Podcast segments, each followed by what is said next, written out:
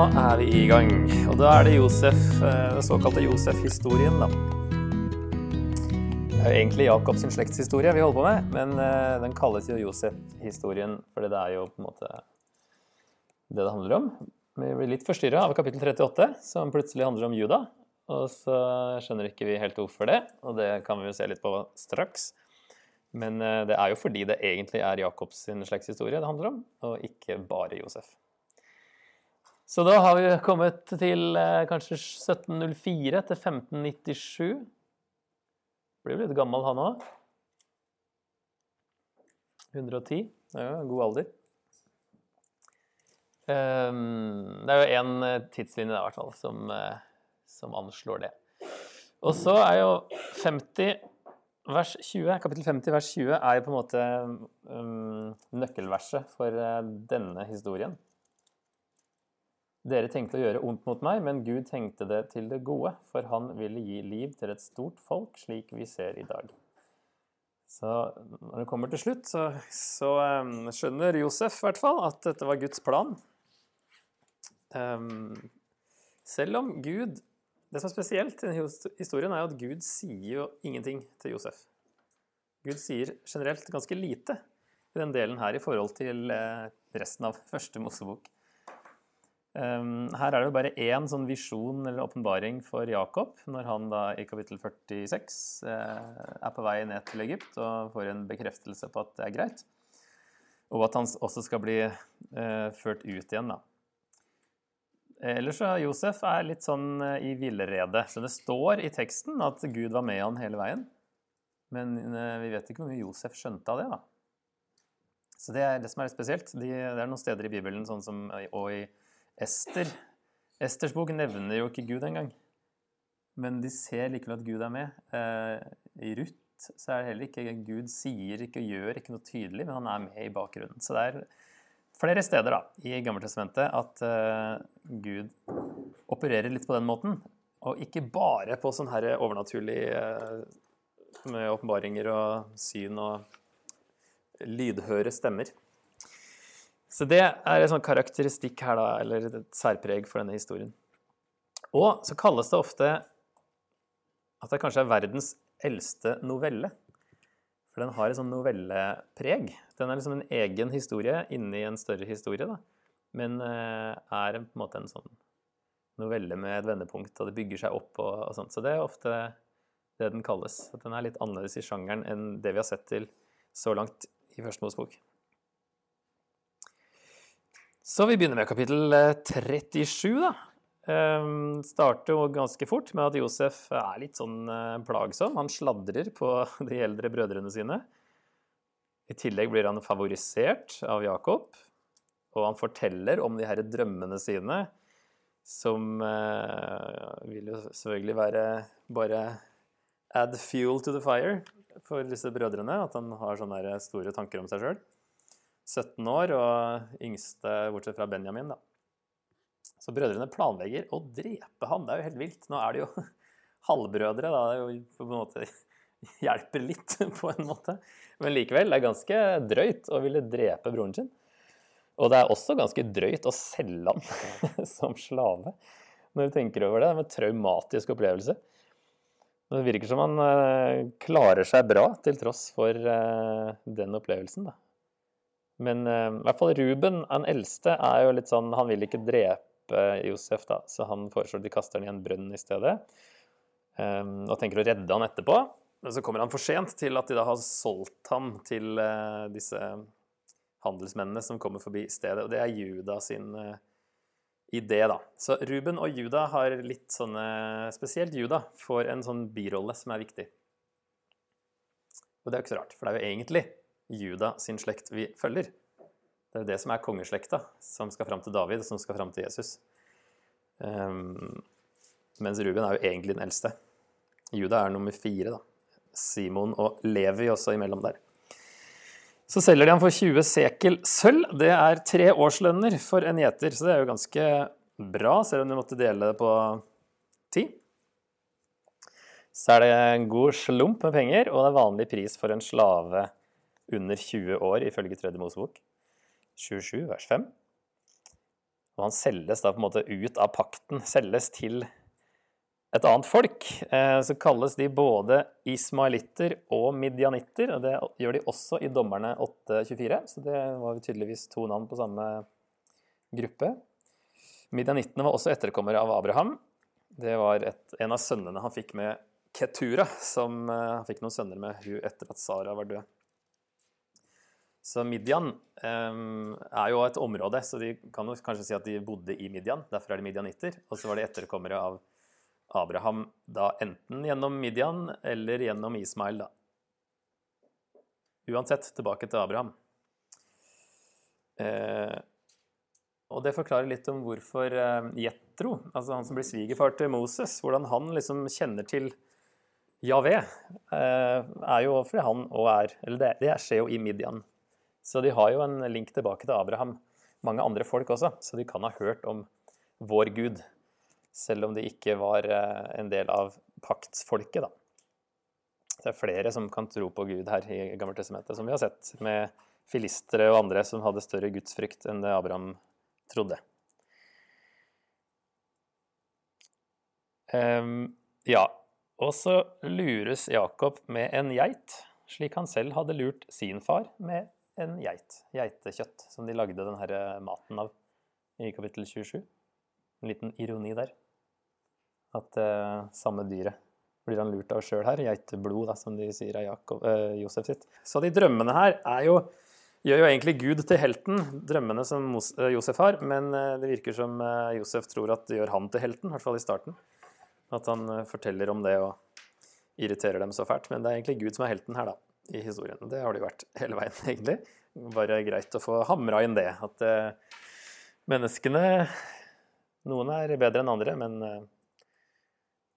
de er ikke liksom de store heltene.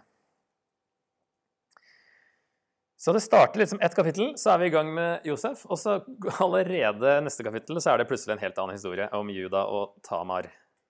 Og det blir litt sånn der spenning, da. For nå har liksom akkurat eh, Josef blitt solgt.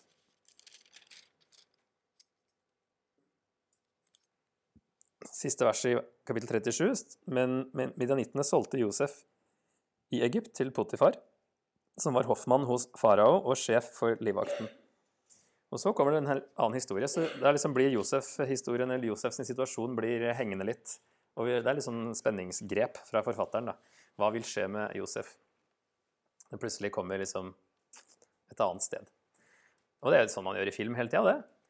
Klippe til en annen scene når det er litt spennende et sted. Så skjer det plutselig et annet sted, og så er det tilbake igjen. Så er det sånn sånn man har holdt på siden tidenes morgen, med å lage spenning.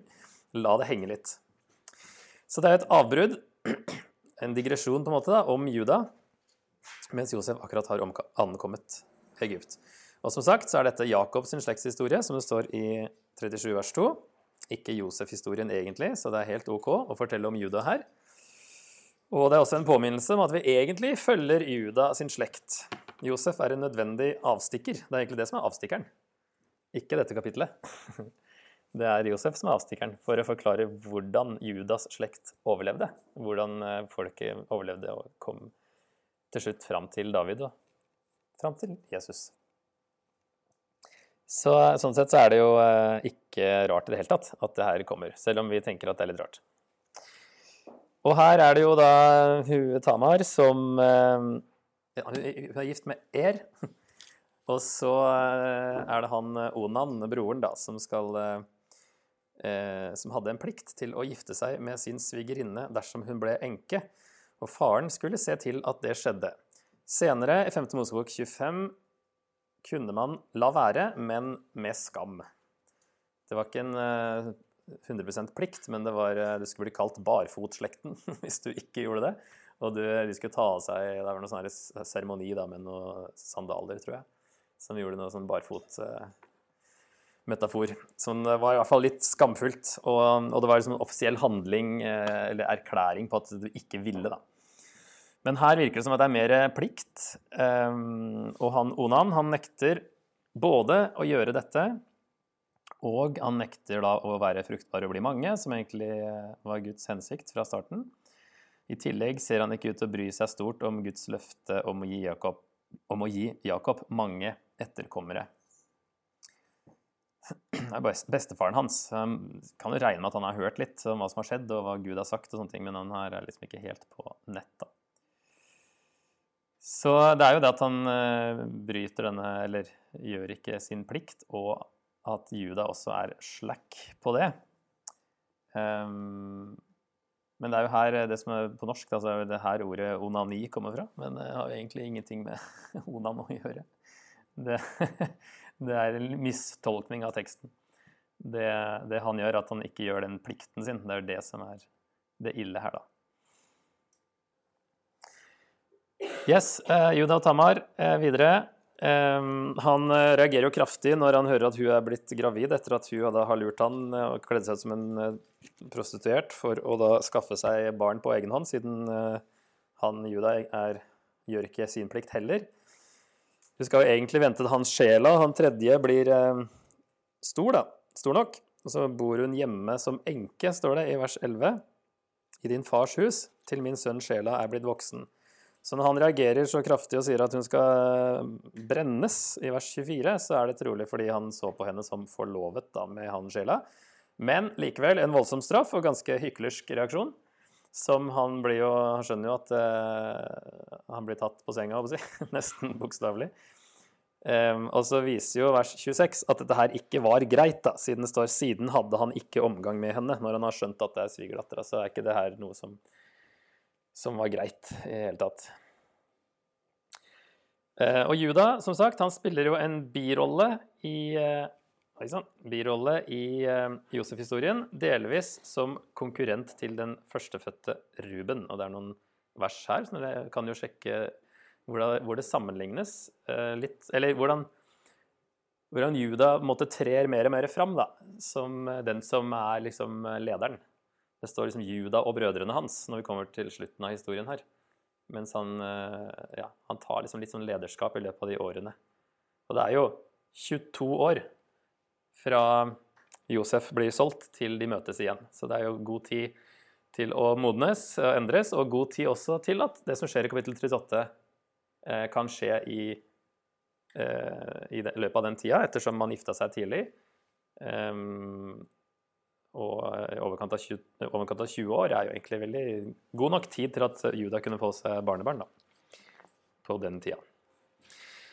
Eh, kapittelet her også ser ut til å være en del av den karakterendringen da, hos Juda fram til kapittel 44. Så det er et eller annet han, noe av det her vil jo kanskje spille inn på at han møtte seg sjøl i døra, og, og, så er det over 22 år, så han har jo tid til å tenke over ting. Og så forteller det da ikke minst også hvordan det neste slektsleddet i Messias-slekta ble til. Tamar kommer inn i Jesu slektstavle og nevnes spesielt ved navn i Matteus 1,3. Disse damene som, eh, disse skandaledamene i Jesus' sin ettertavle de nevnes med navn. Det er Tamar, det er Batseba, det er Rahab og Maria òg var egentlig skandale utenfor ekteskap. Um, det er og Ruth, nemlig. Og Ruth som var en uh, moabitta, en hedning, som kommer inn. Så alle de her spesielle historiene som er med, de er nettopp med for å fortelle om, om slekta til Jesus, egentlig. Og uh, de nevnes da av Matteus ved navn, så det, de huskes på. Så det her er jo derfor Det er jo hovedsaken til at kapittelet er med, da. Det er jo neste leddet der som er det interessante, egentlig. Og da fikk jeg spørsmål i går eh, hvorfor jeg alltid hopper over overgrepstekstene. Om det var bevisst. Det var det ikke. Så da sa jeg at vi får eh, koble det litt sammen her. Se på de eh, andre trøblete tekster i første Mosebok som vi har hoppa over, fordi de ikke eh, spiller liksom en egentlig rolle i hovedfortellingen. da. Det første er vi helt tilbake til kapittel 9, når Ham ser Noas nakenhet, som det står. Ehm, det kan jo være en såkalt eufemisme for samleie, som det brukes i 3. Mosebok 18. Eufemisme det betyr jo egentlig bare å, eh, å si det godt eh, på gresk. Så det er eh, mange sånne i Bibelen der du kan lure på er det noe, noe seksuelt eller noe som ligger bak her, når man bruker da et annet uttrykk som, er, som pynter litt på det. Så her det brukes da, virker som det brukes om incestlovene i 3. Mosebok 18.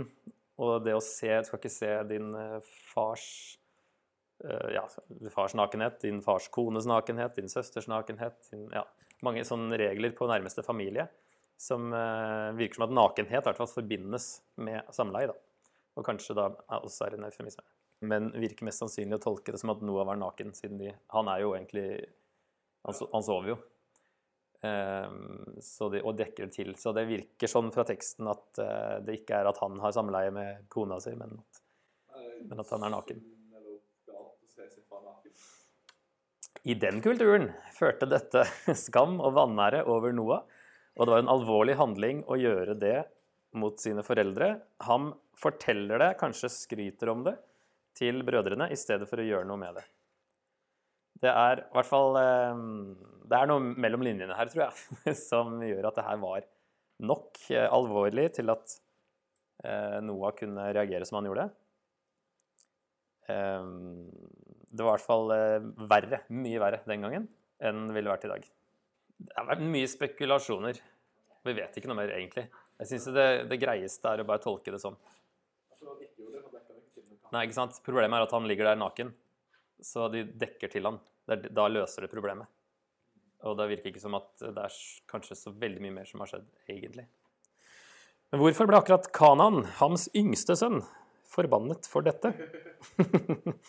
det skjønner vi heller kanskje ikke så mye av. En gammel rabbinsk tolkning er at ham ikke kunne forbannes fordi han hadde blitt velsignet av Gud i vers 1. Når Gud velsigner, Gud, eh, Gud velsigner Noah og sønnene hans. Så Noah kunne ikke gå imot det og forbanne en som Gud har velsigna. Så den går langt tilbake, i hvert fall. At da måtte han ta neste ledd. Men han tar jo ikke da eldste, som kanskje er mest naturlig, men han går til yngste. Og da tenker jo de fleste at det er trolig profetisk om kanoneerne under erobringen av landet senere. Da, at det er et frampek. Så er det viktig å få med seg, som har blitt nevnt før, at verken forfatteren eller Gud sier det er greit å drikke seg så full, selv om det står i Bibelen. Er ikke greit å forbanne folk bare fordi det står i Bibelen. Det her bare gjenforteller det som skjedde. Eh, og så er det opp til oss å tolke var dette greit eller ikke. Og leseren forutsetter å ha Moseloven og kunne tolke ut fra den, i hvert fall. Siden den er jo skrevet i sammenheng med dette her, i hvert fall er liksom en del av samme verk. De som leser, har jo loven. Ok, Vi tar til neste vanskelige tekst. Lots døtre, kapittel 19. Som eh, skaffer seg barn med sin egen far, som de skjenker full. Så det er både incest og overgrep og alt mulig. Um, kanskje hadde vers 8 gjort noe med relasjonen og respekten deres for Lot når han uh, er klar til å sende dem ut til de her folka som kommer. En drøy setning der òg. Jeg har to døtre som ikke har vært sammen med noen mann. La meg føre dem ut til dere, så kan dere gjøre med dem som dere vil. Det er helt vilt. Så det kan ha skjedd noe der. Og så har de også fått et eksempel på hvordan man kan utnytte andre til egen fordel. Har lært dårlig eksempel av sin far. Historien er en digresjon, derfor har jeg hoppa over den. Men den er der for å forklare opphavet til moabittene og ammonittene, som er da folket som kommer av de to sønnene her. Og de ble bitre fiender av Israel senere. Så da vet de liksom hvem er disse, hvor kommer de fra? De er jo egentlig i slekt sånn langt, langt tilbake, men ble fiendefolk som bodde øst for Israel, da, begge to. Og igjen, verken forfatteren eller Gud går god for det som skjer, selv om det står i Bibelen. Her er det flere ting vi reagerer på. Det fortelles fordi det skjedde. Den tredje er Sikhem og Dina kapittel 34. Der Dina blir eh, først voldtatt, og så eh, lures da disse innbyggerne i byen, som også heter Sikhem, eh, til å omskjæres, fordi de liksom later som de skal inngå ekteskap og sånt. Og så blir da alle mennene drept av Simon og Levi, som hevner seg her. I utgangspunktet så gjør Dina noe dumt da, og uvanlig, og gikk alene når hun var såkalt gifteklar alder. Det skulle man ikke gjøre. Så det er jo dumt i utgangspunktet at hun henger, går ut og skal bli kjent med folk på egen hånd og sånt. Eh, så ser vi også at Sikhem og Hamor, eh, kongen da, nevner ikke Eller høvdingen kalles han. de nevner ikke voldtekten når de kommer og skal snakke med Jakob da, og sønnene. De diskuterer bare ekteskap. Mulig, når han sier 'gjør eh, brudeprisen høy', kanskje skal det være en slags kompensasjon, men de viser ingen anger. Og det kan jo ha vært med på å gjort eh, Levi og Simon spesielt enda sintere. Ehm, at de bare si, tar seg til rette, og nå Ja. Nå vil han gifte seg med henne, da, han Sikhem, men likevel så er det liksom ikke noe anger her. I hvert fall ikke nevnt. Simon og Levi hevner seg voldsomt. Det er vanskelig å si hvor mange de drepte, ettersom en by i GT ofte ikke var så veldig stor. Men de drepte mange. Men igjen, forfatteren, verken forfatteren eller Gud går god for det som skjer, selv om det står i Bibelen.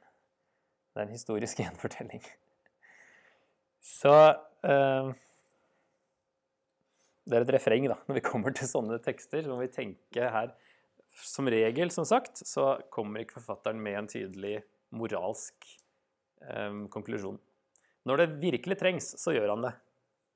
Hvem det nå var som skrev. Men eh, David og Batseba, f.eks., så står det at dette var ondt i Herrens øyne. Noen sånne får man innimellom, men som regel ikke. Yes, det var også en digresjon fra det vi egentlig holdt på med. Men det er greit å få snakka om det, da. Ok, Kapittel 39 til 41. Tilbake til Josef. Da er Josef um, i 39, så er han først hos Potifar, og så i slutten så er han i fengsel. Og der ser vi paralleller fra mellom 1 til 6 og 19 til 23. Første avsnitt og siste avsnitt. Det står at Herren var med Josef, både hos Potifar i vers 2 og i fengselet i vers 21 og 23. Han settes til å styre begge steder, han blir stolt på begge steder, og alt han gjorde, lykkes for ham, nevnes konkret i vers 2 og 3 og vers 23.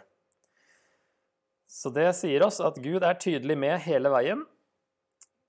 Holder han på å gjøre Josef mer ydmyk ved å gå fra Ikke bare blir han slave, men han faktisk enda lenger ned, til fengsel. Selv om han får oppgaver og løftes opp på en måte der også, så er det jo litt verre å være i fengsel enn å være slave. Og han er uskyldig i fengsel. Um, sånn at Gud er med. Vi vet ikke hvor mye Josef skjønte av det, da, men uh, leseren skjønner det, og forfatteren skjønte det. Og Josef skjønner det i ettertid. Men det er jo kanskje noe eh, karakterutvikling som holder på å skje. Og så vers 40 så har han tolket en sånn eh, eh, dobbeldrøm for disse to, munnskjenken og han bakeren her.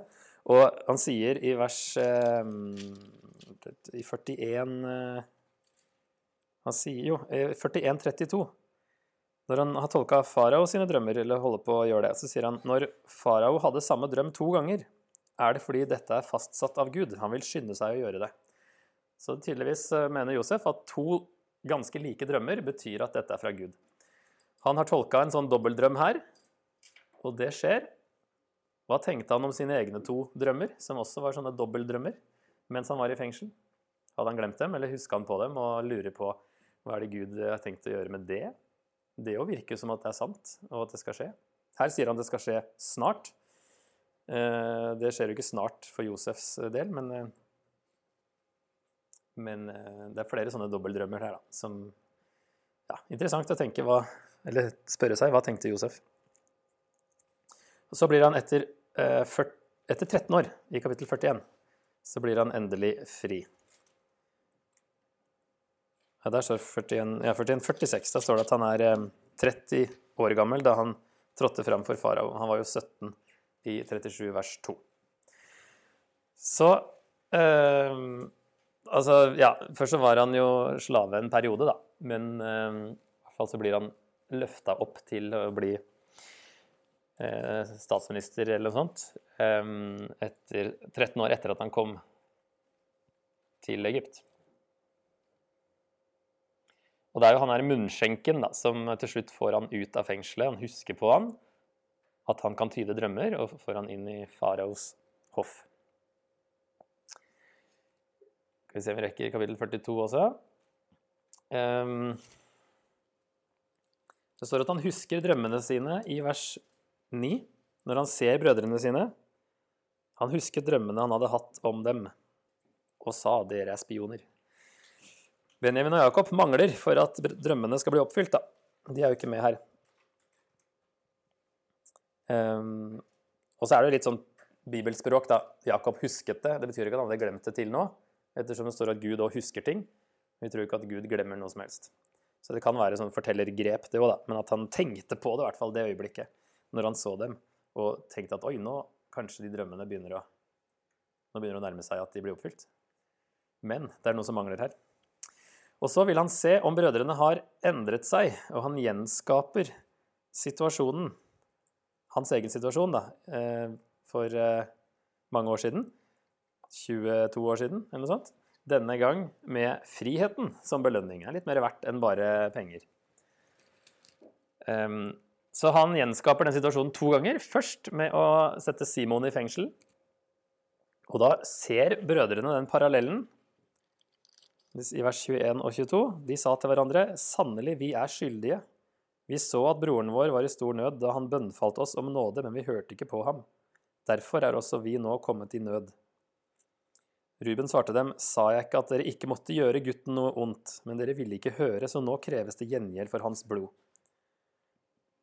Så de, skjønner, de ser på det her som en hevn, en dom, for det de gjorde, og de innser at eh, de, Ja, de ser parallellen og innser at de er skyldige med det de gjorde med, med Josef. Og Josef hører det, står det, selv om eh, de trodde han ikke forsto det. For han brukte tolk. Og, og han snudde seg fra dem og gråt. Og så gjør, det, gjør, Josef det samme med Benjamin i kapittel 44. Der han eh, legger det her sølvbegeret, og han blir en skyldig. og ok, dere kan få dra, men eh, Benjamin skal få bli, og hva gjør dere med det? Og så blir det liksom to sånne tester, og de består jo på en måte begge to. Og så på slutten, eh, vers 35 og 36 Da de tømte sekkene, fant hver av dem pengepungen sin der. Både de og faren ble redde da de fikk øye på pengepungene. Deres far Jakob sa til dem, dere gjør meg barnløs. Josef er ikke mer, Simon er ikke mer, og nå vil dere ta Benjamin. Alt går meg imot. Trodde Jakob her at de har solgt Simon, siden de har penger tilbake, alle sammen?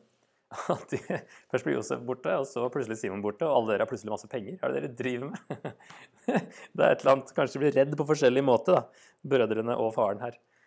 Eh, litt av en eh, familie, dette her.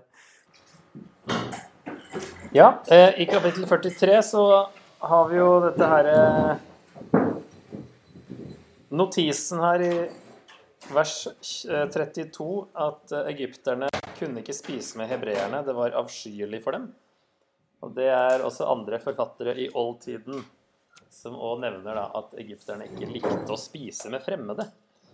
Så trolig generelt fremmede, og ikke hebreere spesielt. da.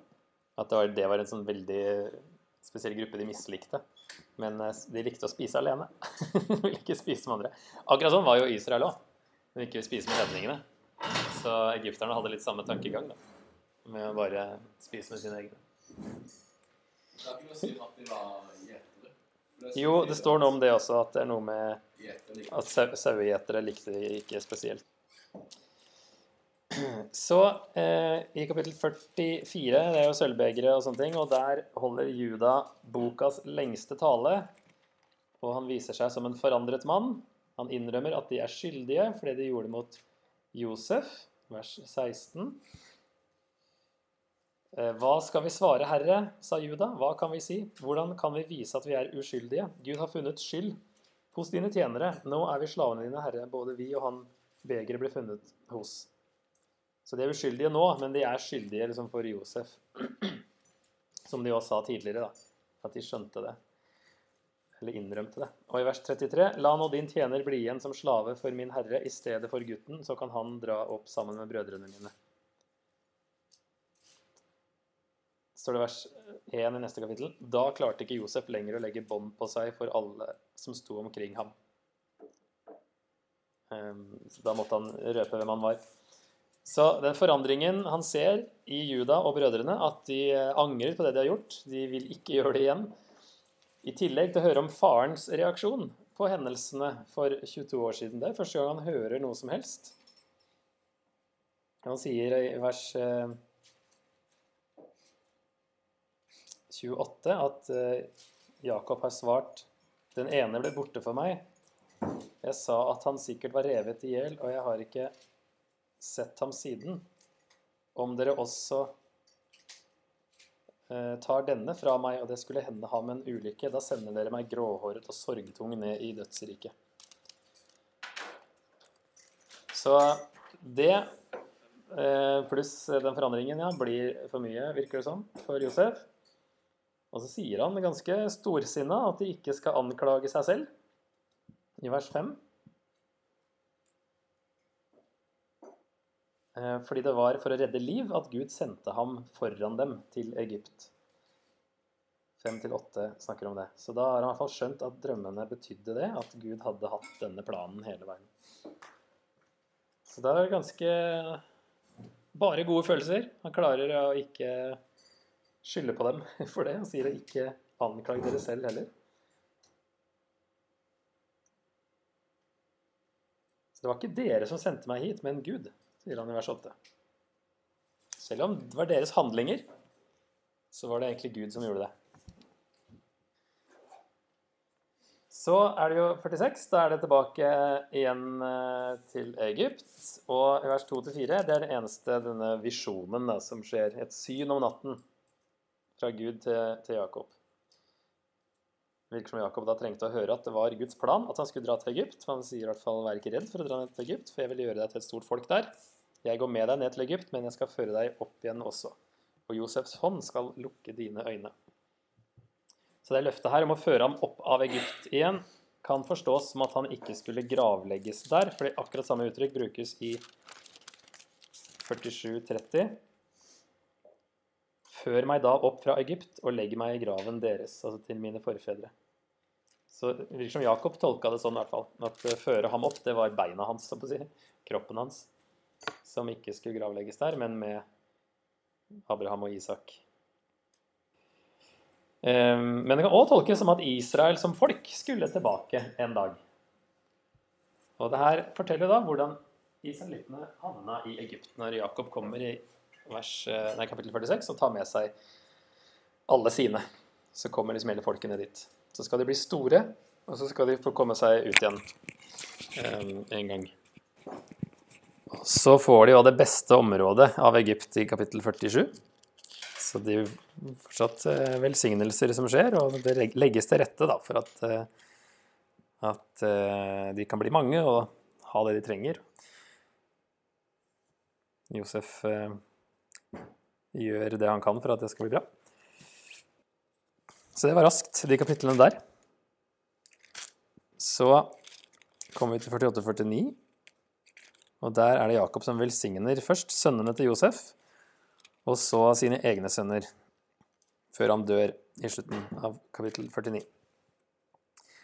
Og her, kapittel 48, så velsigner han den yngre Efraim før den eldre Manasse i en fredfull ironi. Det er jo livet hans, det, da. Den yngste som stjal velsignelsen, men her skjer det på en veldig rolig måte. Og det er jo ironisk, det som skjer. Ja, eh, Josef reagerer. Han mislikte det, står det i vers 17. Han tok farens hånd for å flytte den fra Efraims hode til Manasses. Ikke slik, far, sa Josef til faren. For dette er den førstefødte. Legg den høyre hånda på hodet hans. Men faren nektet. Han sa, jeg vet det, min sønn, jeg vet det. Også han skal bli til et folk, også han skal bli stor, men broren hans, som er yngre, skal bli større. Etten hans skal bli til mange folkeslag. Så Efraim, blir, eh, Efraim og Manasseh blir jo de største områdene faktisk i eh, Israel senere. Og eh, Efraim brukes ofte som et eh, som synonym på Israel. Eh, som det ser vi litt senere. altså Både Jakob, Efraim, Israel det er liksom synonymer i profetlitteraturen, da, som er liksom mer poetisk og bruker andre ord. Så er av og til Efraim eh, er såpass stor og viktig at det kan stå for hele folket. Spesielt Nordriket, da. Et, er mest etter det er delt. Så lå vel òg kanskje Samaria, som blir hovedstaden, lå vel kanskje i Efraim, tror jeg. At det var litt derfor. Eh, Begge to er ganske store. Jeg vet ikke helt hvilken som er aller størst, men eh, de to Hvis vi ser på noe kart eh, bakerst, så ser du jo Så er Manasse er jo egentlig gigasvært. Det er det som er størst. Det er et kjempeområde på østsida, og også et veldig stort på vestsida. Men Efraim blir kanskje viktigere, da. Eh, Sikhem er jo det som blir Samaria, og den ligger akkurat innafor grensa til Efraim. Så det er liksom hovedstadsfylket, da, Efraim. Så kanskje derfor den blir eh, viktigst, og derfor han velsigner det sånn som han gjør. Men Manasseh blir jo den største i utstrekning.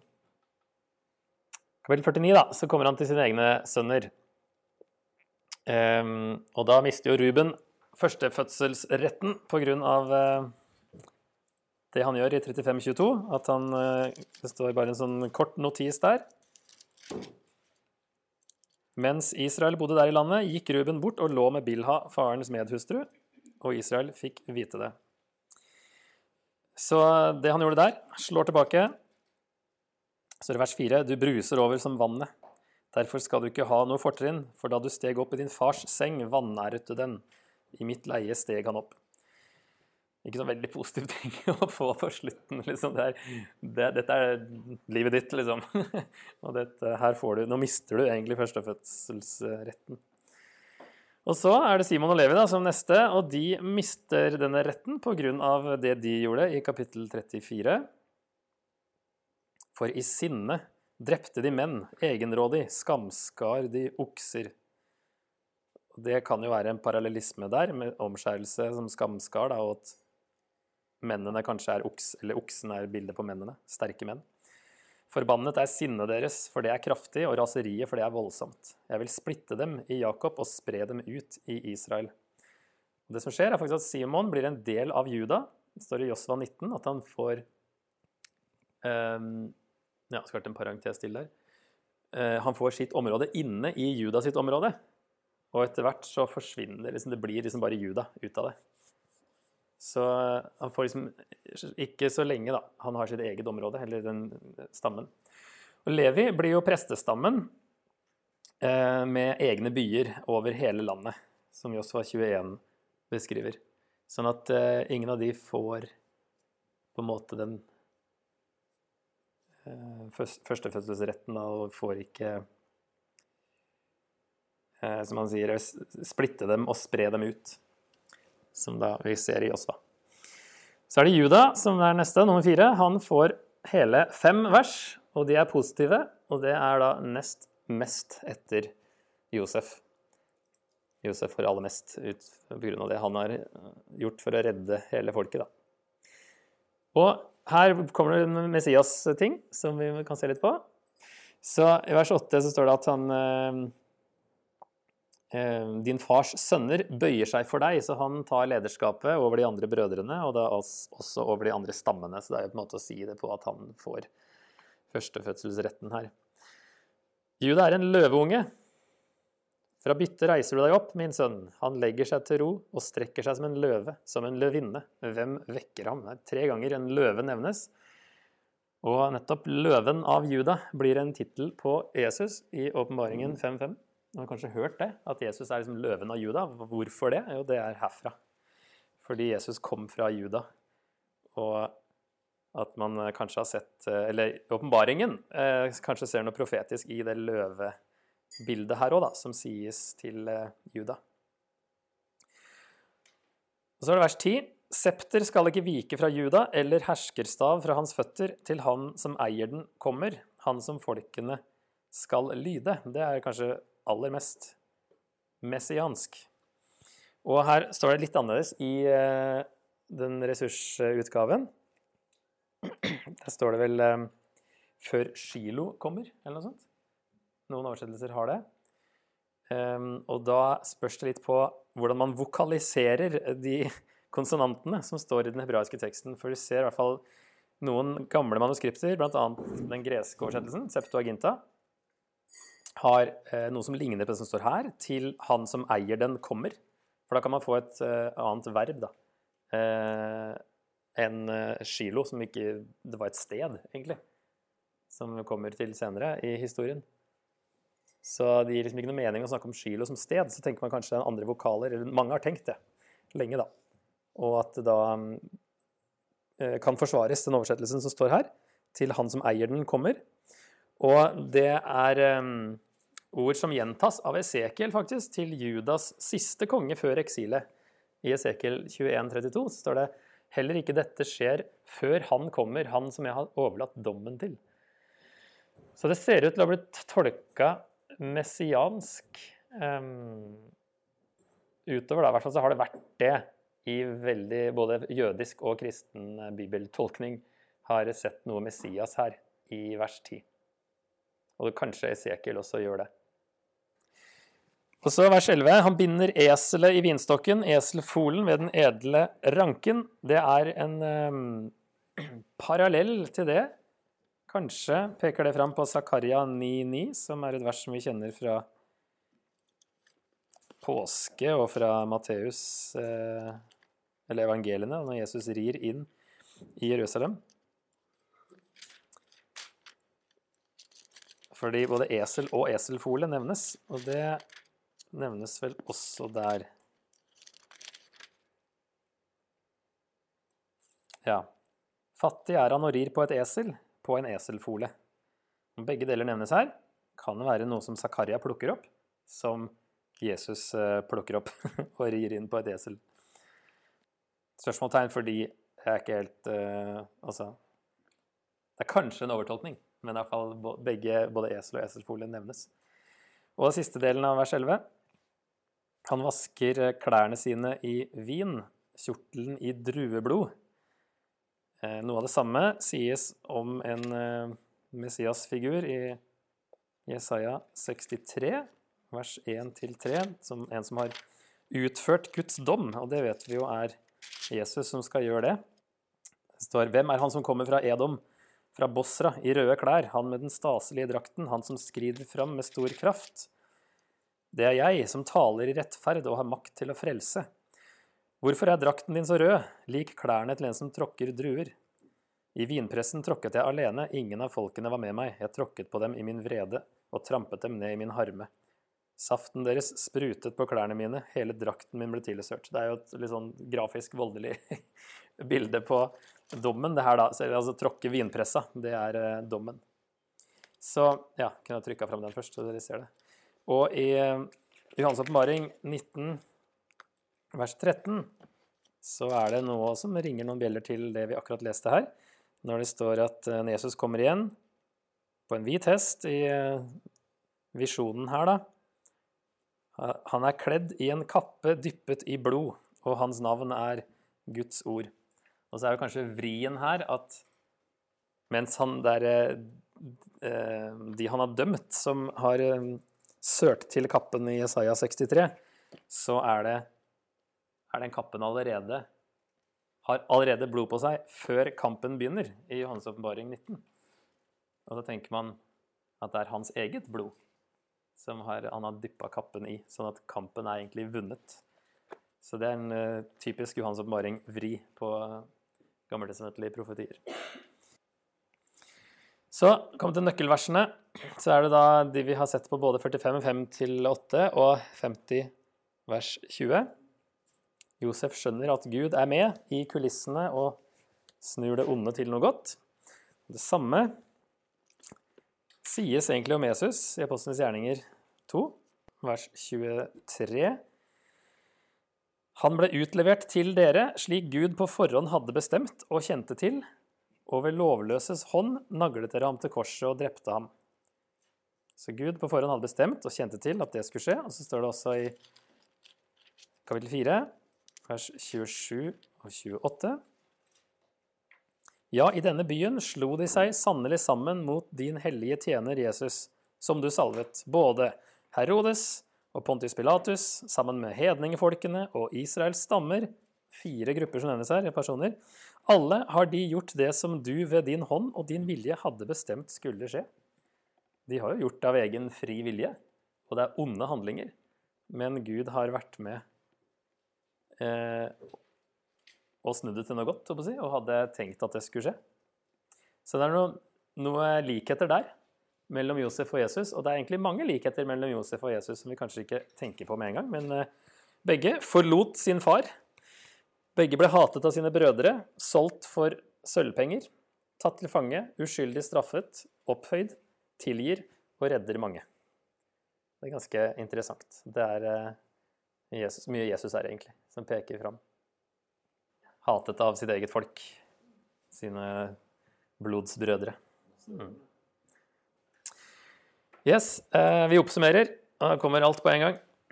Josef gjør noen feil som ung, men vokser veldig. Han gjør en god jobb overalt hvor han kommer, og han vekker tillit og får ansvar.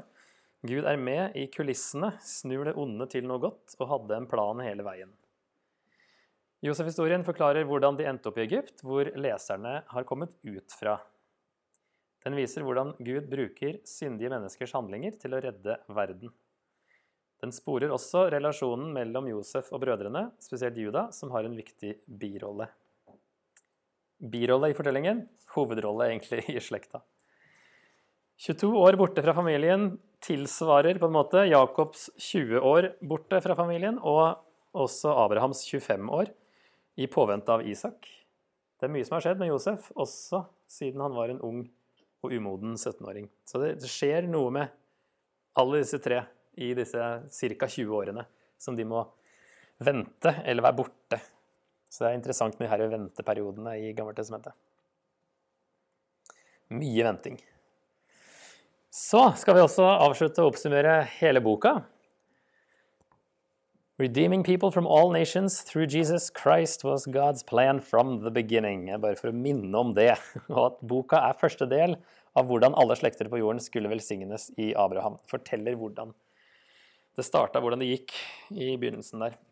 Gud velger så å si aldri den eldste sønnen, har vi sett, til å ta Messias-slekta videre. Det er Seth, ikke Kain eller Abel. Det er Isak, ikke Ismail. Det er Jakob, ikke Esau. Det er Juda, ikke Ruben, Simeon eller Levi.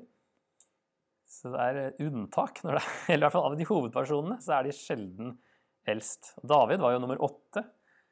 Så eh, det er liksom ikke, Gud har ikke hengt seg opp i at den eldste alltid skal nødvendigvis ta slekta videre. Så har vi sett at Gud velsigner selv om mennesker feiler eller gjør opprør. Mennesker gjør ondt igjen og igjen, men Gud gir nye sjanser. Adam, Noah, Abraham, Jakob, Josef. Han redder og styrer og snur ting til det gode og selv om mennesker gjør mye ondt. Boka slutter med at det er blitt 70 personer i Egypt med et frampek mot utgangen. Når det står ja, Josef sier 'når Herren ser til dere'. Når Gud ser til dere, da skal dere føre knoklene mine med herfra. Så han vet at de skal ut.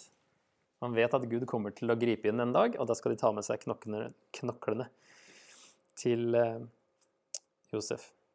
Han vil òg være gravlagt i det egentlige landet. Første Mosebok forbereder andre Mosebok, som er sentrum av Mosebøkene. Der har vi liksom de største tingene som skjer. Så det har vært, på en måte vært en intro til andre Mosebok. Så ender boka med Israels tolv sønner som ser mot fremtiden. Første Mosebok er en familiehistorie som er en prolog til et folks historie. Og så må vi se på en liten oppsummering av Jesus i første Mosebok òg. Vi har sett noen glimt. Helt fra denne her, 3.15, en av kvinnens ett skal ramme slangens hode, som eh, ja, kanskje dukker opp i Galaterne 4.4, men eh, mer tydelig i Romerne 16.20 og kanskje også i Åpenbaringen 12. Men ikke minst velsignelsen til hele verden i 12.3, som Paulus forklarer ganske tydelig i Galaterne 3. Melkisedek i kapittel 14 han hentes opp i Hebreerne 5-7, ganske mye der, som, eh, der han forstår det som en, eh, noe som pekte fram på Jesus. Han kobler det på en ganske sånn finurlig måte, da, som vi kanskje ikke henger helt med på. Men eh, for han er det et, noe som han bruker som bakgrunn for Jesus, på en måte. Rettferdiggjørelse ved tro har vi sett i kapittel 15, som Paulus eh, siterer i Romerne 4 og Galaterne 3. Abraham og Isak-historien i kapittel 22. Den eh, siteres eh, konkret i Hebreerne 11-19, men vi har sett også at det var flere frampek der da, på Jesus. Himmelstigen, som Jakob drømmer om, sier Jesus i Johannes 1,51 at eh, han bytter ut eh, et ord for å bare si at han er oppfyllelsen av denne himmelstigen. Sannelig, sannelig, jeg sier dere, dere skal se himmelen åpnet og Guds engler gå opp og gå ned over menneskesønnen. Ikke på den, ikke på stigen, men eh, opp og ned over menneskesønnen. Det er han som er stigen til Gud. Og Josef-historien peker frem på Jesus-historien og en konge fra Juda 49, 9-10. I hvert fall løven av Juda som tydelig kobles på den i åpenbaringen 5.5. Så det er noen sånne glimt, og så er det jo hele den store fortellingen om Jesus som har starta, men likevel så får vi sånne ekstra konkrete ting underveis, da, som i hvert fall forfatterne av Nytestamentet eh, så på som Jesus, og som kobler det sammen. So far, so good? All right. For vi må, vi må anvende litt, så vi tar noen minutter på det. Vi spiller ikke en like viktig rolle i Guds frelsesplan som Josef gjorde, men vi vet at alt tjener til det gode for dem som elsker Gud, dem han har kalt etter sin frie vilje. Dem som han på forhånd har vedkjent seg, har han også på forhånd bestemt til å bli formet etter sin sønns bilde, så han skal være den førstefødte blant mange søsken. Spørsmålet er, som dere kan få snakke litt om, når du ser på hvordan Gud var med Josef i bakgrunnen og bruker det onde til noe godt, uten å si noe særlig, hva tenker du om Guds involvering i ditt liv?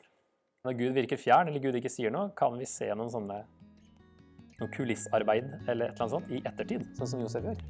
Har, har du sett det, eller er du i en sånn eh, situasjon der du lurer på hva Gud gjør?